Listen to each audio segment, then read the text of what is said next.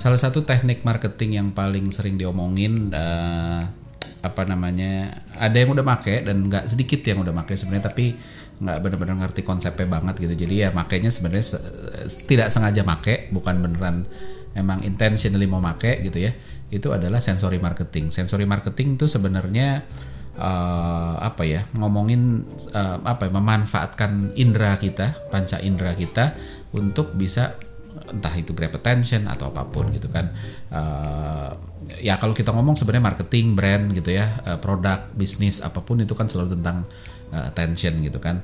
Uh, kalau ada konsepnya AIDA gitu kan uh, depannya pun attention gitu kan awareness gitu kan. Uh, jadi selalu tentang attention gitu kan. Tanpa attention nggak ada awareness. Jadi memang attention nih segitu pentingnya gitu kan. Nah banyak cara sebenarnya yang kita bisa lakukan untuk apa ya untuk untuk bisa grab attention gitu kan. Uh, macam-macam termasuk uh, memanfaatkan indera kita tadi. That's why makanya kita harus ngerti sebenarnya indera kita tuh cara kerjanya gimana gitu kan. Dan dan gimana caranya ini bisa dimanfaatkan uh, untuk sensory marketing tadi gitu kan. Nah uh, apa namanya? Ketika ketika kita ngerti bahwa sensory marketing itu sebenarnya uh, bisa dimanfaatkan lebih luas dari sekedar grab attention gitu. Ini bisa juga untuk create perception, untuk bisa dorong orang untuk mau purchase, untuk orang retain, stay sama kita dan lain sebagainya gitu. Nah, uh, apa namanya? Karena indranya ada lima gitu ya.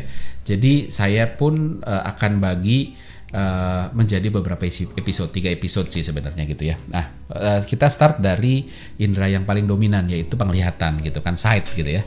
Uh, penglihatan itu sebenarnya indera yang paling dominan karena kalau otak kita dibedah itu uh, bagian yang mengontrol penglihatan itu paling banyak dibanding indera lain di dalam otak ya gitu. Jadi memang memang kuat banget gitu ya.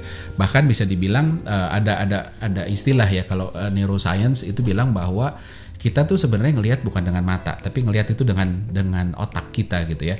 Uh, apa namanya orang yang buta dari lahir uh, uh, ya ini ada kasus ya ada orang buta dari lahir terus habis itu nggak uh, pernah lihat kan dia nggak pernah lihat apa apa terus habis itu dioperasi operasi udah gede ya dioperasi segala macam terus akhirnya uh, bisa sembuh gitu ya. Maksudnya bisa lihat lagi tapi begitu pertama kali dia buka dia dia bisa melihat tapi dia gagal untuk mengerti. Jadi sebenarnya apa ya secara teknis dia sudah melihat tapi secara konsep melihat dia belum lihat gitu. Karena otaknya butuh untuk belajar gitu kan untuk connecting the dot antara apa yang dia tahu selama ini tanpa dia lihat dengan ketika hmm, visual itu muncul di mata gitu ya dan dan di otak gitu ya. Nah jadi melihat tuh bukan cuma sekedar pekerjaannya mata gitu ya, tapi lebih jauh lagi tuh sebenarnya kerjaan otak gitu. Makanya orang bilang bahwa kita ngelihat tuh pakai otak bukan dengan mata gitu. Mata tuh cuma cuma apa ya? Cuma cuma corongnya aja untuk ke sana gitu. Nah, uh, apa namanya? Uh, ini sebenarnya make sense karena ketika kita melihat, kita kan bukan cuma ngelihat terus habis itu udah gitu, tapi ketika kita melihat secara otomatis tanpa kita bisa tolak, kita mulai uh, put meaning, kita identifikasi ini tuh sebenarnya apa dan lain sebagainya. Jadi memang uh, dari sana connectnya sebenarnya. Nah, uh, penerapan sensory marketing di di apa di bidang site ini di penglihatan tuh sebenarnya banyak banget ya. Uh, kalau mau lengkapnya sebenarnya baca buku saya gitu, tapi uh, ini beberapa yang yang saya recall lah ya. Jadi pertama uh, ketika kita ngelihat contoh yang paling sering foto menu di restoran gitu ya. Entah di menunya entah di belakang kasir kan di belakang suka ada ya. Uh, apa namanya? Uh, ketika kita beli beberapa produk apalagi service gitu ya kita nggak bisa lihat produknya. Kalau beli handphone tuh bisa boleh lihat nggak daminya pegang dulu segala macam nah ketika nggak ada tuh kita cuma lihat gambar. Ketika kita mau beli apa ya mau beli sop buntut gitu ya sop buntutnya belum ada belum dimasak gitu. Kalau kalau fried chicken KFC McD gitu kita bisa oh kayak gitu gitu ya. Tapi kalau sop buntut nggak bisa. Jadi kita cuma bisa lewat lihat lewat gambar. Burger pun nggak nggak langsung dibuat gitu. Jadi uh, apa nggak udah ready terus tinggal diambil dia harus dibuat dulu. Jadi uh, apa namanya uh, kita mencernanya dari gambar. Dan suka nggak suka kita men, ya orang bilang don't judge book by its cover tapi sayangnya nggak bisa. Karena kita otak kita memang berusaha untuk untuk bisa ngelihat dan put meaning ini bahaya apa enggak dan sebagainya gitu kan. Dan uh, ketika ketika barangnya nggak bisa kelihatan kayak mobil kan bisa kelihatan ya sebelum beli juga kita udah bisa lihat gitu. Tapi kalau misalnya potong rambut deh ya terus gimana gitu loh kalau gagal nanti gimana gitu kan? Karena uh, bukan beli baju yang kita pakai kalau nggak suka tinggal kita lepas gitu kan. Jadi kita lihat dari gambar dan ada ada ada yang namanya perceive risk persepsi terhadap risiko. Kalau gagal gimana? Jangan-jangan jelek jangan-jangan nggak enak gitu kan. Uh, makanya restoran banyak yang bikin apa menu investasi di uh, foto fotonya dibikin bagus gitu kan. Supaya bisa kasih gambaran ke kita tentang apa sih yang kita bisa dapat kalau kita beli ini gitu. Gambarnya kayak apa apa nanti menunya makanannya kayak apa ada apa isinya dan lain sebagainya. Terus uh, walaupun nggak akurat ya tapi otak kita bahkan ya kan kita sering banget ya wah di menunya gambarnya gede mas kenapa begitu datang kecil? Kan suka gitu ya. Tapi kita pun lebih lebih apa ya lebih lebih senang untuk ya udahlah nggak apa-apa ada gambarnya uh, walaupun nggak akurat gitu dibanding nggak ada gambarnya sama sekali kayak kayak gitu tadi karena buat kita uh, apa namanya uh, kita butuh otak kita tuh butuh butuh butuh apa ya butuh guidance tentang kurang lebih kayak apa sih nanti gitu loh. Nah dari sisi desain juga sama. Uh, dulu saya pernah uh, apa bisnis trip pertama kali ke Shanghai gitu ya, nggak tahu belum pernah ke Shanghai gitu ya. Terus coba-coba cari hotel gitu ya dan kebetulan kantor saya itu bukan di CBD-nya banget gitu. Jadi begitu cari hotel itu hotel-hotel yang ada di dekat kantor itu hotelnya namanya dalam bahasa Mandarin dan saya nggak ngerti bukan bukan hotel-hotel yang terkenal gitu. Jadi nggak tahu nih sebenarnya oke okay apa enggak. Nah uh, akhirnya ya lihat foto gitu kan lihat di apa namanya di travel site terus habis lihat fotonya. Nah balik lagi itu kan sensory marketingnya dari foto dari sana kita bisa ngelihat. Walaupun kita juga tahu foto pun kadang-kadang fotonya gimana begitu datang beda lagi gitu kan. Tapi ya itu penting juga. Nah uh, dan ketika kita ngomongin foto gitu ya baik itu buat hotel buat uh, restoran buat sekolah buat rumah sakit buat apalagi uh, buat salon uh, foto itu nggak cuma soal eksterior tapi interiornya juga. Wah kalau ini tempatnya bagus gitu ya ya kita jadi lebih menilainya oh ini oke. Okay. dan itu ya pemanfaatan sensory marketing. Nah barang lifestyle apalagi kalau ngeliat mobil gadget uh, mobil yang paling kurang ajar. Fotonya bagus gitu begitu lihat loh kok begini ya aslinya ya? Karena ya kamera tuh kan juga punya distorsi. Angle tertentu kelihatannya akan bagus. Angle yang salah kelihatannya akan jadi nggak enak. Jadi itu tadi gitu uh, apa namanya penting sekali untuk foto itu penting dan uh, apa untuk untuk bisa kasih gambaran. Dan dan bahkan bukan cuma sekedar foto ya kalau kita ngomongin mobil gitu ya uh, kita lihat beberapa tahun terakhir ini kan mobil Korea lumayan booming ya. Hyundai Kia tuh kan naik gitu ya secara ini. Dan kalau dilihat sebenarnya nggak tahu 5-10 tahun terakhir Hyundai dan Kia itu secara desain wah emang bagus. Harus diakui mulai melewati kualitas desainnya Jepang gitu ya. Agak ke Eropa Eropaan gitu kan. Ada yang bilang bahwa oh iya mereka hijack uh, desain apa produk desain orang-orang apa desainer mobil dari dari Eropa dibawa ke sini gitu. Terus habis itu dia dia kembangin sehingga hasilnya jadinya bagus gitu kan. Tapi itu tadi gitu kan ketika ini lifestyle tampilan itu penting banget gitu. Bahkan uh, apa namanya Apple pun juga men menciptakan desirability-nya juga dari desain gitu ya. Banyak orang yang pengen pakai Apple sebenarnya bukan karena dia butuh uh, feature-nya, tapi lebih wah desainnya keren ya, tampilannya uh, apa uh, oke okay lah dan dan kita suka karena abis itu kalau kita pakai desain yang keren kita seolah-olah jadi ikutan keren. Nah selanjutnya adalah konteks gitu kan, nggak semua orang bisa ngebayangin sebenarnya gitu kan dan uh, apa namanya uh, ketika kita beli barang bahkan banyak orang yang nggak tahu. Contohnya apa? Contohnya IKEA orang nggak bisa orang orang bisa lihat gitu sofanya kayak apa bednya kayak apa yang kita mau beli perabotnya kayak apa. Tapi nggak bisa bayang ini kalau ditaruh di rumah kayak apa gitu kan. Bisa di set sebagus apa sih nanti gitu nah IKEA nampilin itu gitu. Dia dia taruh dia set di dalam setting rumah sehingga atau apartemen gitu ya sehingga kita bisa bayangin wah ini jadinya kayak gitu ya. Terus kita jadi lebih lebih tertarik beli. Fashion commerce juga ya kalau kita beli apa namanya face apa beli beli baju di, melalui online gitu kan ada website yang udah bajunya foto baju cuma foto baju aja kayak baju ditaruh di lantai terus difoto gitu flat aja.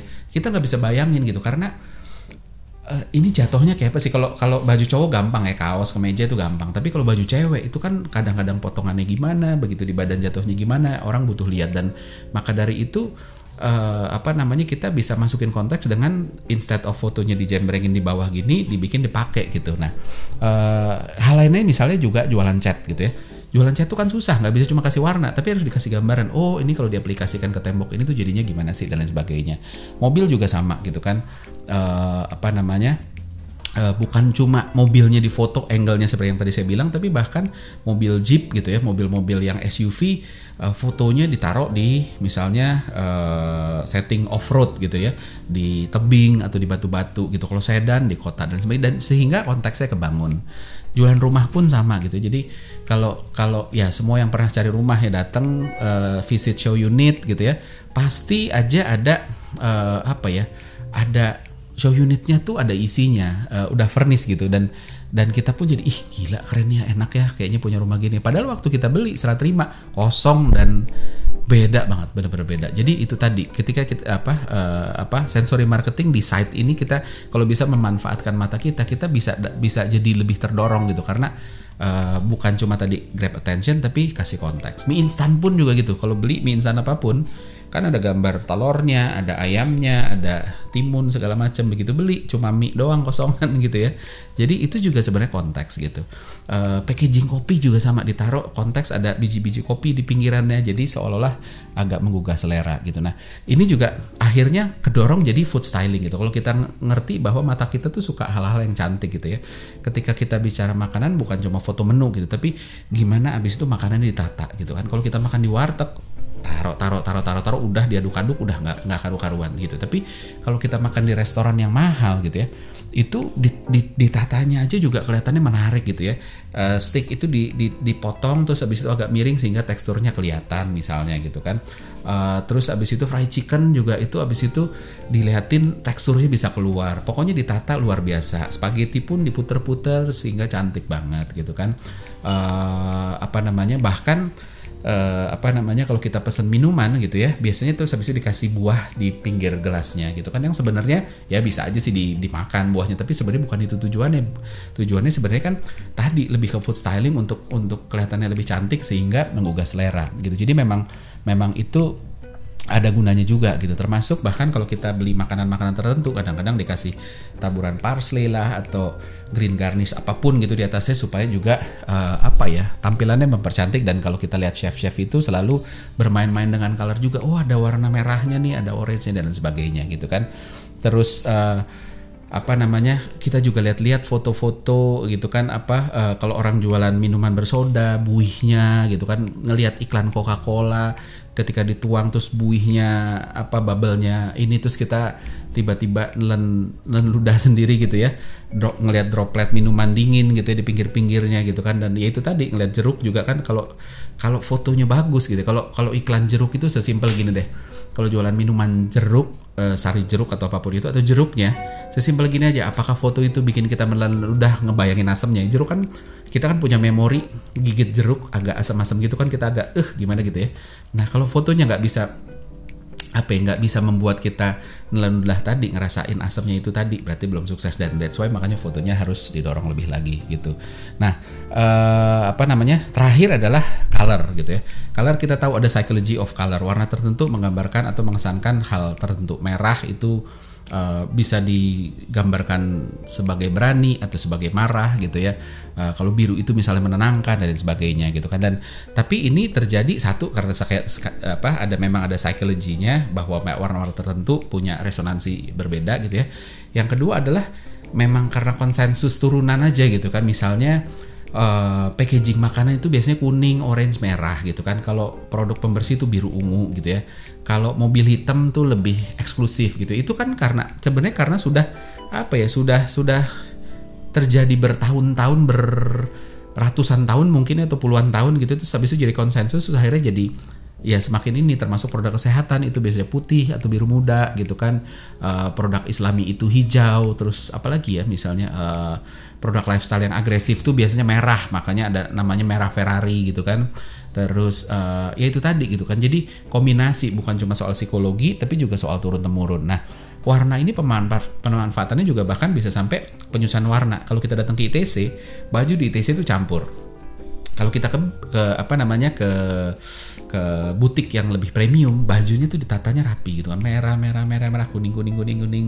Uh, orange orange orange kuning kuning kuning. Terus habis itu apalagi biru biru biru hijau. Jadi dikelompokin perwarnanya gradasi sehingga dilihatnya ih kok enak ya dan lain sebagainya. Jadi itu pun bukan cuma uh, grab attention tapi bahkan bikin apa ya menciptakan harmoni karena semuanya jadi rapi gitu. Jadi itu juga penting gitu. Terus habis itu kerapatan juga penting gitu ya. Ketika kita ngerti bahwa mata kita itu nggak suka sesuatu yang crowded sebenarnya. Jadi uh, walaupun segmen bawah suka-suka aja jadi makanya kalau toko baju di ITC wah itu rapet gitu. Toko-toko departemen store yang segmennya menengah bawah itu wah jangankan rame bukan cuma rame lagi sampai di gang pun ada raknya segala macam. Tapi kalau kita ke yang segmennya lebih menengah itu lebih apa ya lebih lebih rapi gitu kan.